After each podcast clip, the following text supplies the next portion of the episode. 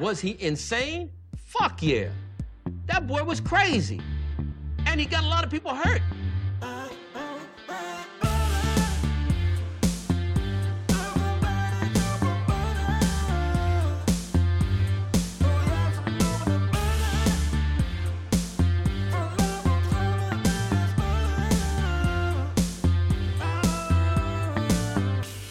He doesn't like butter. I fucking love butter.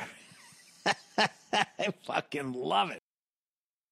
What's up, motherfuckers? Welkom bij alweer een nieuwe aflevering van de Zonde van je Tijd podcast. Een podcast waarin Badder niet alleen zijn eigen hele kostbare tijd, maar ook vooral uw hele kostbare tijd verdoet. Met het uitkramen van absolute onzin. Nieuwe dag, nieuwe zorgen. Maar er is wel een nieuwe dag en een nieuwe morgen. Want de wereld heeft zichzelf nog niet opgeblazen. Kennelijk. Ik weet niet hoe het met jullie is. Elke keer als ik wakker word, allereerst wat ik doe is kijken het nieuws. Wat de fuck is er gebeurd? Is er een bommetje afgegaan ergens? Is er nog ge- geëscaleerd, gedeescaleerd? Wat is aan de stand van zaken? Wie staat ervoor? Wie staat erachter? Of zijn ze nog steeds, is de derde wereldoorlog nog steeds bezig met een fucking warming waar we nu op dit moment in zitten? En eh, ik heb geen fucking idee. Het nieuws, zoals ik al zei, maakt me fucking deprimerend. Maar hey, eh, beter depressief worden eh, door de oorlog, door het lezen over de oorlog, dan depressief worden van de oorlog. Of niet? Als je vindt dat je er echt midden fucking middenin zit en dat je dan daarvan eh, een of andere fucking stress oploopt en dat soort shit. Dat is het laatste wat je moet hebben.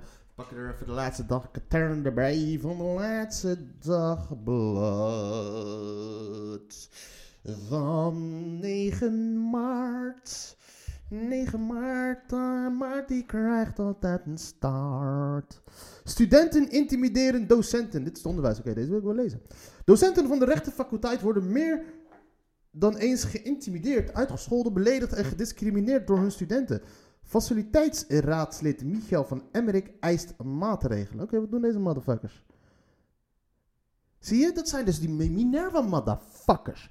Ik ga er gelijk heen. Onderwijs, pagina 2. Dit is niet pagina 2. Ja, Leiden is natuurlijk een studentenrechtenstad, waar echt dat- dat is, eh, en eh, rechtenstudies trekken eh, asociale VVD'ers aan. En dat is daarom, eh, zie je die Minerva altijd hier dik, eh, is Min- Minerva hier zo eh, populair. En daarom is het maar een heel klein stukje in eh, de Katern-regio in plaats van groot nieuws. Want als de Ibn Galdoen was geweest dat eh, de op de Alsuna eh, basisschool die leraren bedreigden, dan was het wereldnieuws geweest. Maar dit zijn Minerva motherfuckers die leraren bedreigen. 100%. Die motherfuckers zijn zo arrogant dat ze gewoon leraren bedreigen. De, hun, dat, hun docenten bedreigen. Docenten van de Leidse rechtenfaculteit worden meer dan eens geïntimideerd, uitgescholden en beledigd door hun studenten. Dat doen ze anoniem, maar soms ook openlijk. Voorbeelden gaf faculteitsraadslid Michiel van Emmerich niet. Oké, dat is whack. Je studeert fucking rechten en je wilt geen eh, voorbeelden aangeven. Eh.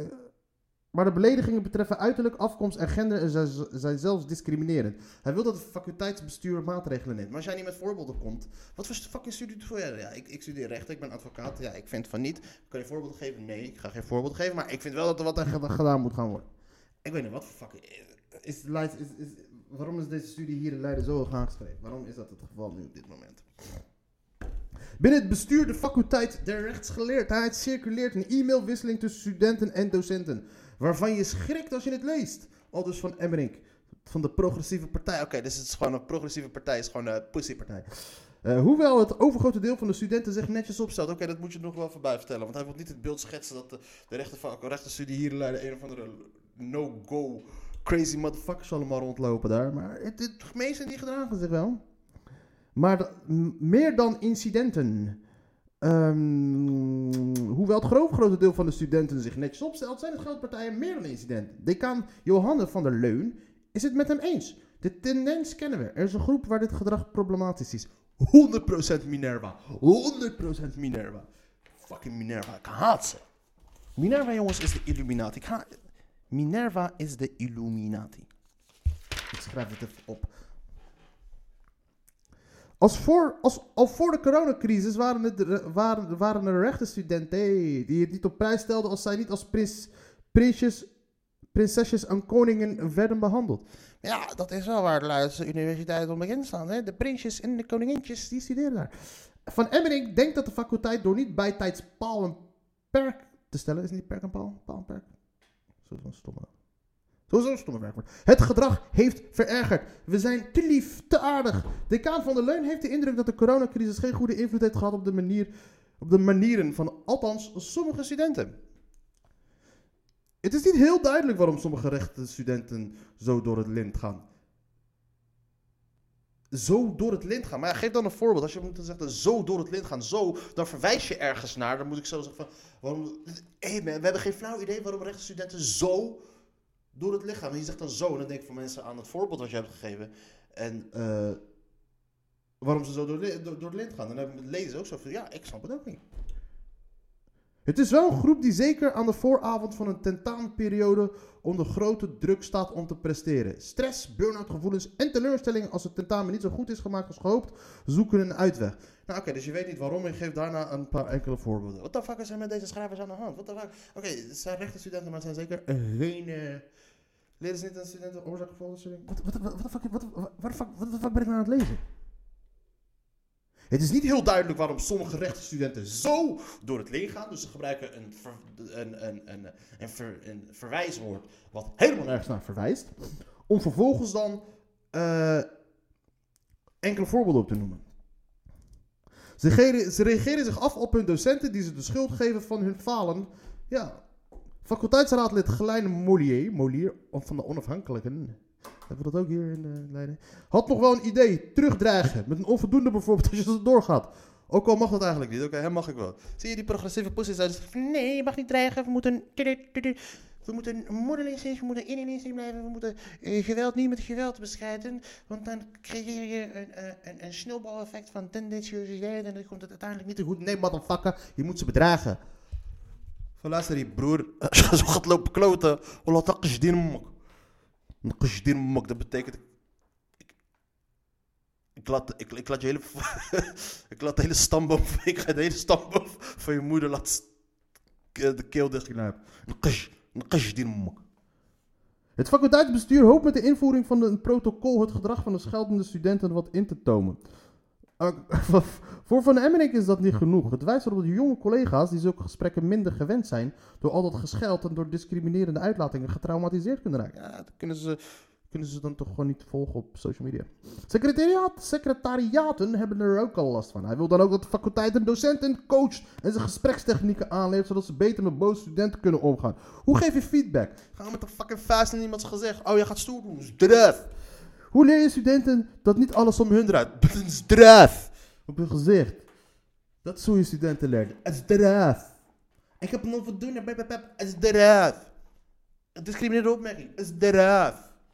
Gewoon een strafprotocol heet het. Het gaat straf op iemands oog. Straf op je oog, vriend. Gewoon een beetje geweld. Van Emmering vindt het ook belangrijk dat studenten leren zich te beheersen met het oog op de latere beroepspraktijk.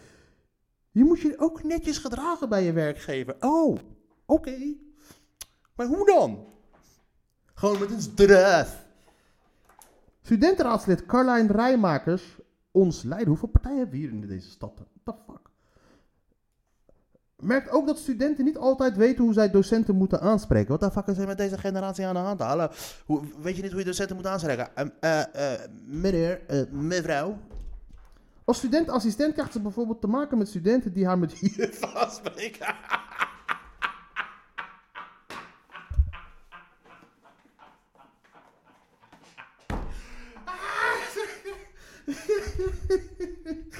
Er moet duidelijkheid komen over aanspreeksvormen. We moeten morele grenzen stellen en we moeten studenten de verantwoording roepen die uit de bocht vliegen.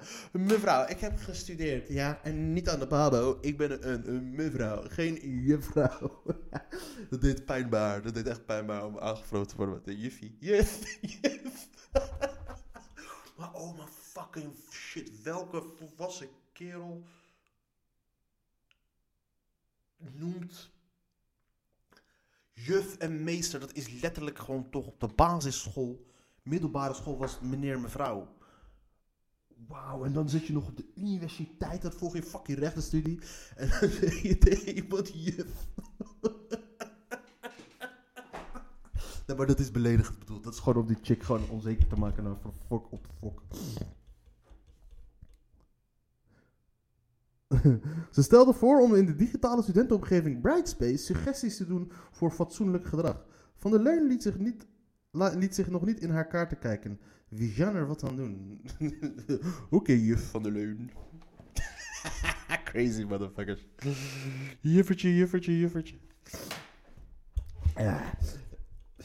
Plug en Paarlenvliet opgepakt voor smaad en eh, bedreiging. Alweer, ja, dit is die Haag Plug. Die wordt, die is continu mensen aan het bedreigen alsof het helemaal niks is. En eh, kennelijk is er in Bodegraven iets met.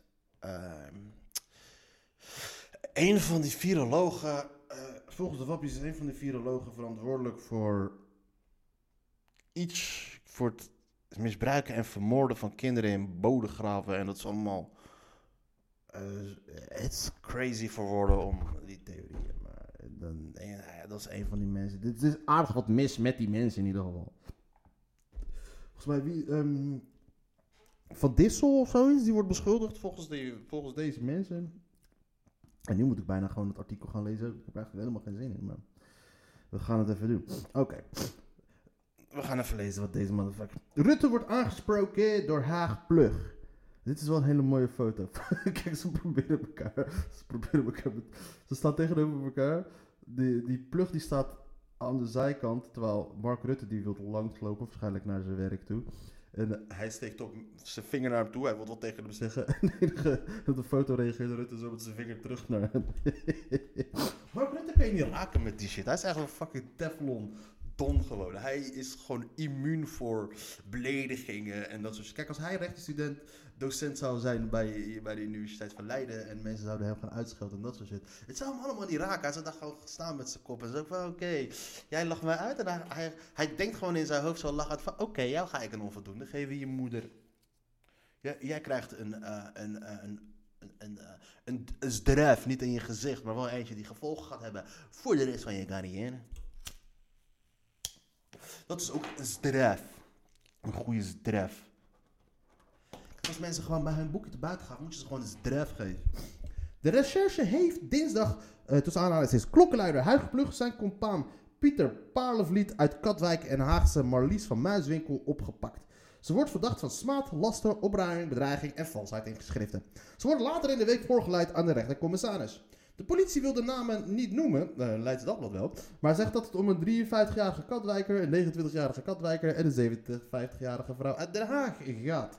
Ze zitten in een volledige beperking, wat maakt dat politie en openbaar ministerie vooralsnog geen verdere inhoudelijke mededelingen kunnen doen. Ze zijn voor verhoor ingesloten. Laat de politiewoordvoerster via e-mail weten. Plug is eerder opgepakt voor bedreigingen en opruiming op social media tegen Mark Rutte. Een oud-minister van Volksgezondheid Hugo de Jonge. Hij heeft zelf geen Twitter-account meer. Dat is geblokkeerd omdat hij daar strafbare uitingen op deed.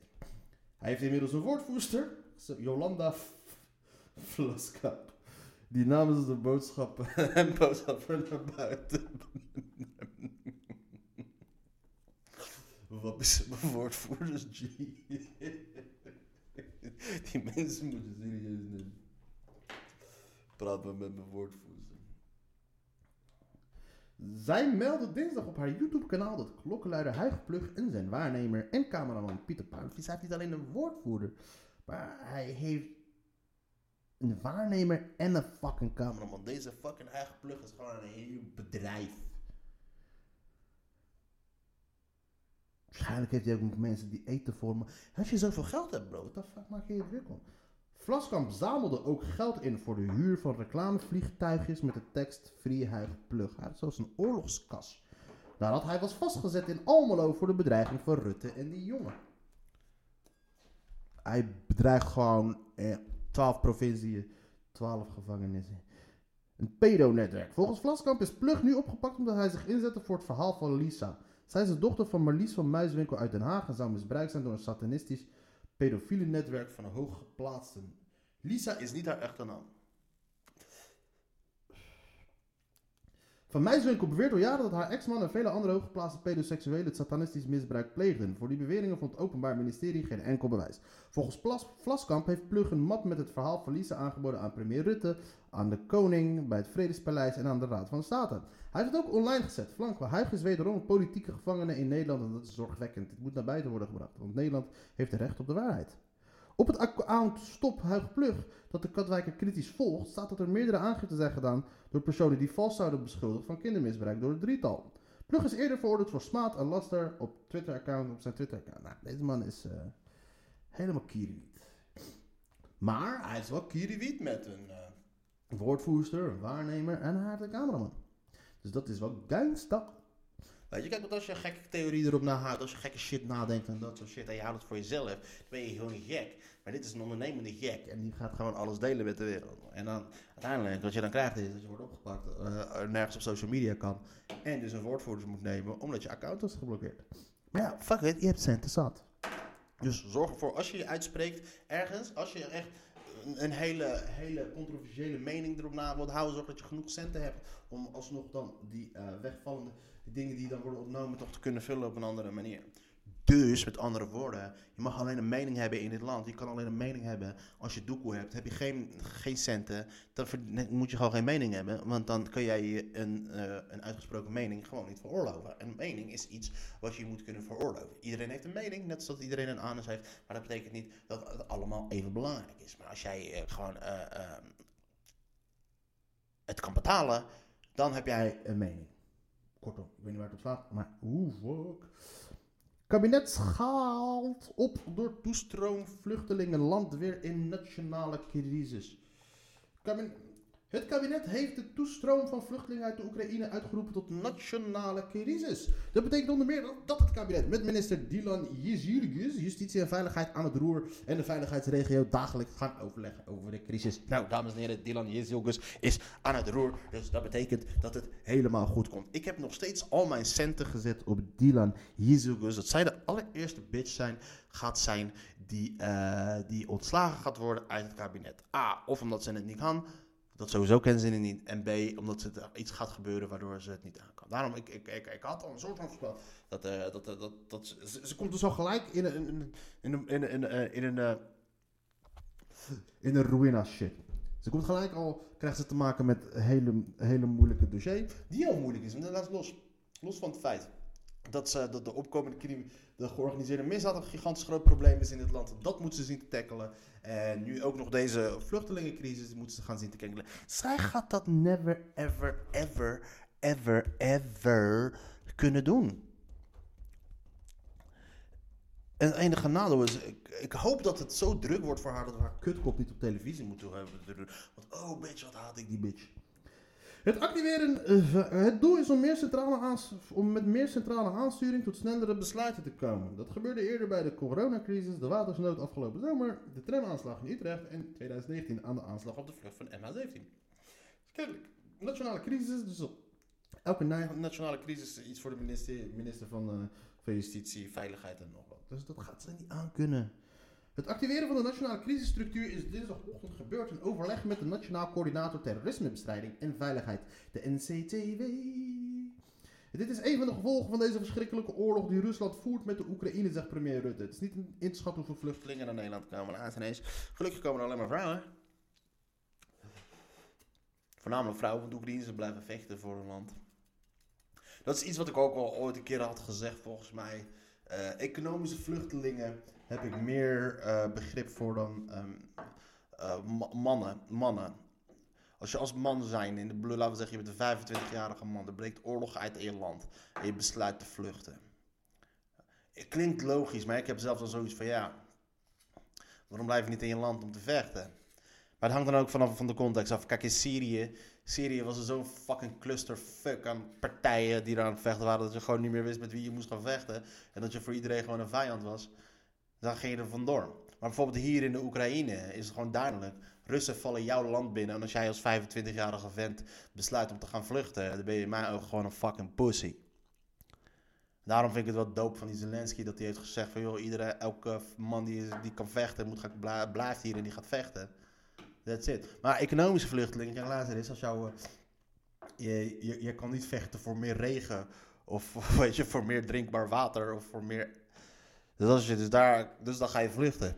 Dus die, terwijl eigenlijk het ding is, ja, we vluchten. We, asielzoekers zijn eigenlijk mensen die niet meer kunnen. Die, die, van- die, die vanwege hun veiligheid vluchten. Daar hebben mensen dan meer sympathie voor dan die mensen die dan niet kunnen vreten. Dat vind ik een beetje raar. Wel is duidelijk dat het kabinet nu naar verschillende waarschuwingen werkt met de opvang. Ja, weet ik veel, fuck die bitch. Eh, ja, dan gaan we over naar de status van eh, onze derde wereldoorlog. Update, update, de derde wereldoorlog update. Ehm, kennelijk is, ik weet niet wat de status nu is, maar kennelijk is Kiev nu omsingeld. En eh, gaat het er naar uitzien dat er Poetin die hele stad zijn moeder gaat bombarderen tot er geen eh, gebouw meer over staat. Waarom heb ik die neiging om af en toe gewoon af en toe die zachte G erin te gooien? Dat slaat helemaal nergens op. En de grens tussen Oekraïne en Polen, het buurland dat al 1,2 miljoen vluchtelingen heeft binnengelaten. Zelensky's speech in de geest van Churchill. We're gonna fight in the tundra. We're gonna fight in the gulag. We're gonna fight in Chernobyl. We'll fight, we'll fight, we'll fight. We're never gonna surrender. We'll fight on the win. Het internationale Rode Kruis heeft de situatie in de Zuid-Oekraïnse stad Mariupol, waar 200.000 mensen al vier dagen proberen weg te komen, echt apocalyptisch genoemd. Hoewel al 2 miljoen mensen Oekraïne zijn ontvlucht, kunnen velen geen kant op. Ja, dat is fucked up, G. Pas op met delen van video's van gevangenen, want dat is natuurlijk nu een ding. Het is nu natuurlijk een propagandaoorlog. En want nu komen we dan komen toevallig uit aan een ander artikel wat hier ook in staat. Het is natuurlijk een propagandaoorlog. Nu hebben we dan eh, Ruslands antifascistische programma lijkt fascistisch. Ja, dat ziet er aardig fascistisch uit. Het zijn aardig boze Russen met een eh, letterlijk een, gewoon een halve hakenkruis op hun eh, shirt. Dat is die letter Z. Dat is dat ding wat nu een beetje het nieuws domineert. Natuurlijk al die eh panzervoertuigen en tanks en weet ik veel wat allemaal. Die hebben allemaal dan een letter Z op hun, eh, op hun ding staan. Niemand weet wat het is. Wat het precies is, dat is meteen dan voer. Meteen voor de meest wilde complottheorieën uiteraard. En eh, daar gaat nu de discussie over. Het is ook meteen een symbool geworden. Nu is het gewoon een symbool, een pro-Rusland symbool geworden. Kijk, en de sporters en zo dragen die zet. Kijk, deze bitch boy. Gaat hier staan met de, trots met, de, met een Z van Rusland op zijn ding. Oh, disqualificeer zijn moeder. Poetins propagandisten gebruiken de letter Z als symbool van steun voor de oorlog. Maar volgens Russische staatsmedia is een vredesteken. Of course, ja, dat was de, ehm, de, de swastika was in eerste instantie ook een, ehm, hoe noem je dat? Een, een, een, een positief iets. In een steriele witte ruimte staan rijen jongeren met vlagstokken achter een bebaarde kale man met een grimmige gezichtsuitdrukking. De man heet Anton Demidov. Russen hebben fucking coole namen. En hij bewierookt het werk van de Russische troepen in de Oekraïne. Demidov is voorzitter van de Molodaya Gvardia, jonge garde. De jongerenvereniging van regeringspartij Verenigd Rusland en leider van de vrijwilligersvleugel van de Oorlogsbroederschap, goede naam. De veteranenorganisatie die zijn speech online plaatst. Vandaag maakt ons leger het werk af van de helden van de grote vaderlandse oorlog, Tweede Wereldoorlog, zegt hij, en zuivert het Europa opnieuw van het nazisme.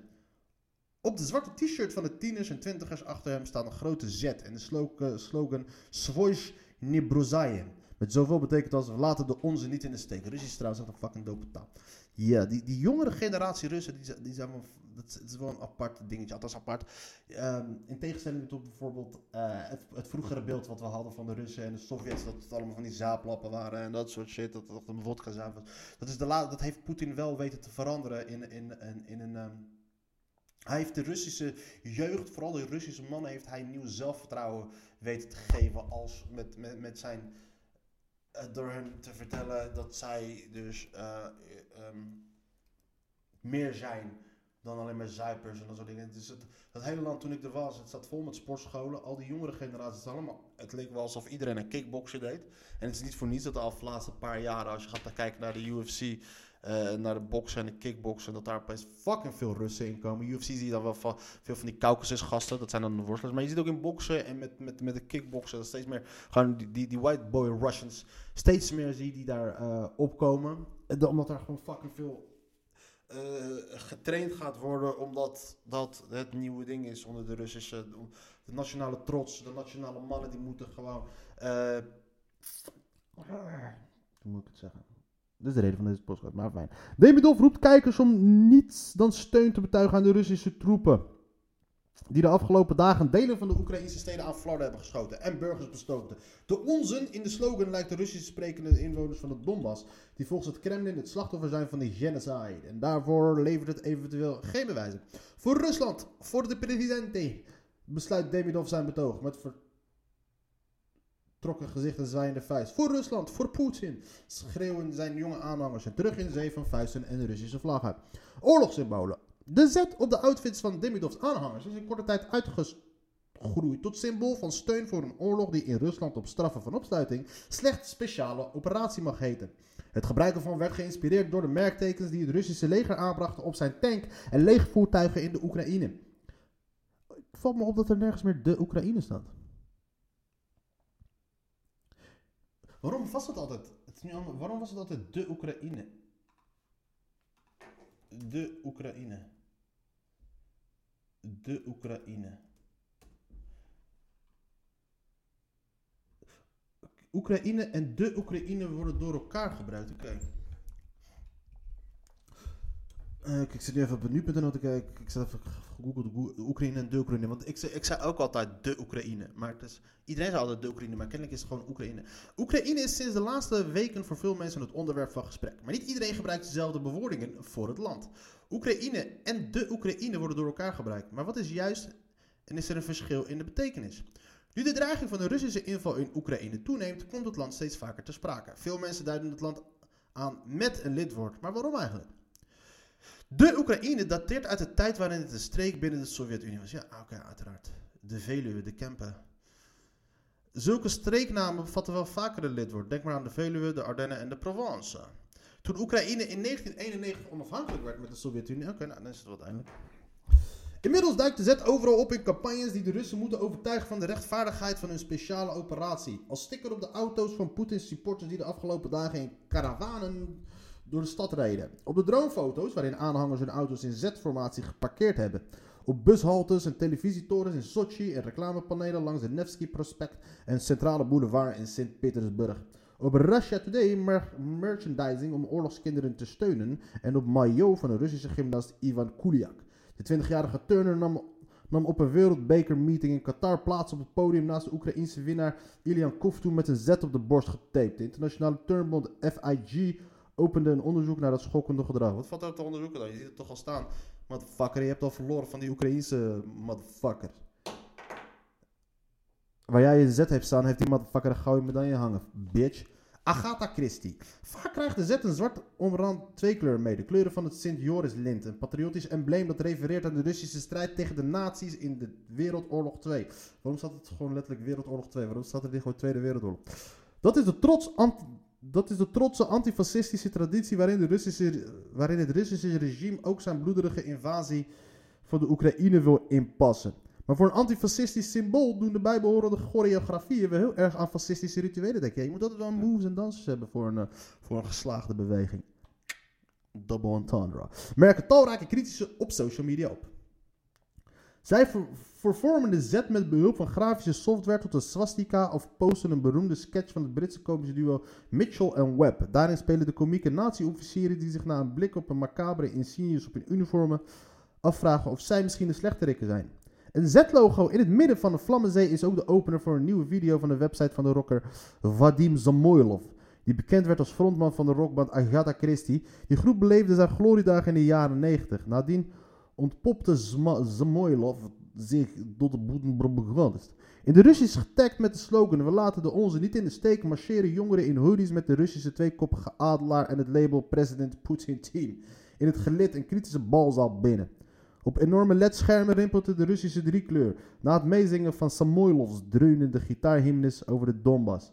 Scanderen ze alweer met geven vuisten de naam van hun president. Vladimir Vladimirovich. Roept de hele zaal en alsof ze één organisme, alsof het één organisme was. Jekaterinenburg is met u.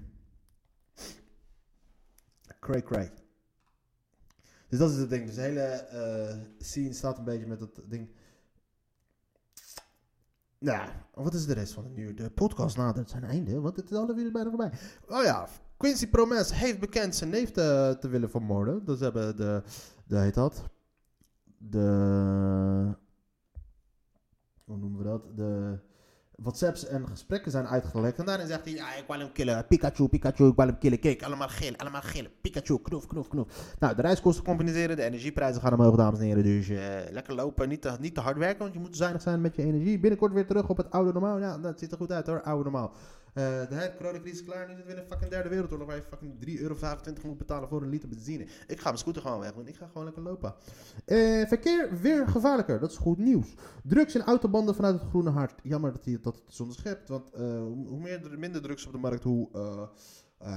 ja, hoe, meer invloed dat heeft op de prijs. Hagelslag en appelstroop in de file van saamhorigheid dit gaat allemaal, oh, we sturen allemaal hagelslag en appelstroop naar de arme mensen in de Oekraïne. Dat is lekker man, chocola in de ochtend. Die, uh, beschuit is er niet, want uh, beschuit wordt gemaakt van tarwe. En tarwe, dat wordt nu ook niet meer gemaakt, omdat de nummer 1 tarweproducent Rusland in oorlog, is met nummer 5 uh, broodproducent Oekraïne. Dus geen beschuit voor u, wel hagelslag. Wat moet je met brood als je chocola hebt? Joep, joep. Invoerverbod voor Russische gas, daar gaan we het waarschijnlijk morgen over hebben. Want kennelijk is de West bezig met het, met het smeden van een plannetje om ervoor te zorgen dat we geen energie meer kunnen kopen van de Russen. En dat de Russen financieel helemaal naar de mallemoer gaat. En met andere woorden, Rusland financieel naar de mallemoer betekent u en ik ook financieel naar de mallemoer. Want dat betekent dat uh, benzine 8,35 euro gaat kosten voor een, uh, voor een, uh, voor, voor een, voor een liter. Een, pak, een, liter, een, nucleaire deal in handen van Iraanse ayatollahs. Natuurlijk, look who's back. Helemaal paraat zijn de ayatollahs. Want omdat de oliemarkt, omdat de, de Russen maken, produceren volgens mij 5 miljoen uh, vaten olie per dag. En als dat wegvalt, dan betekent dat dus dat we uh, dat gecompenseerd moet gaan worden. Dus daarom gaat Biden gaat uh, een deze dagen is naar Venezuela gegaan of zijn mensen en hij gaat zelf gaat hij naar Saudi-Arabië om de boel een beetje op te pompen. Maar die Ben Salman die voelt zich een beetje op zijn pik getrapt omdat hij uh, foei foei kreeg omdat hij Khashoggi had vermoord. En het heel het Westen had dan een wijzende vinger, een uh, morele vingertje van joh, schandalig, schandalig, schandalig. Maar ondertussen deden ze er helemaal niks aan. Maar wat grappig is dus, we gaan dus olie importeren. We gaan geen olie meer importeren van een man die een ander land is binnengevallen. En om dat te compenseren gaan we dus olie kopen bij een andere man die al jaren Jemen aan het kapot knallen is. Hè? Dus they don't give a fuck. Het geeft ze geen ene tyfus mensenrechten of dat soort shit. Ja, je kan niet zomaar een land binnenvallen. Oh ja, joh. Dus je gaat meer olie halen bij zo. De, de ironie daarvan is fucking hilarisch. Ik word fucking boos. Fuck it, dames en heren. Uh, voor iedereen die heeft geluid tot uh, hier heeft te luisteren. Ik wil jullie echt bedanken voor het beluisteren. Maar uh, ik moet eerlijk tegen je zijn. Doe wat met je leven. Want het is echt allemaal zonde van tijd. Hou je tijd. Niet te veel stress. Kijk niet te veel nieuws. Want het is slecht voor je gesteldheid. Let op je gezondheid. En doe af en toe gewoon een dance move. En keep it cool. Keep it cool. Zoiets. Ik moet gewoon een tune gaan. Dames en heren. Peace out. Dit was de Zonde van tijd podcast.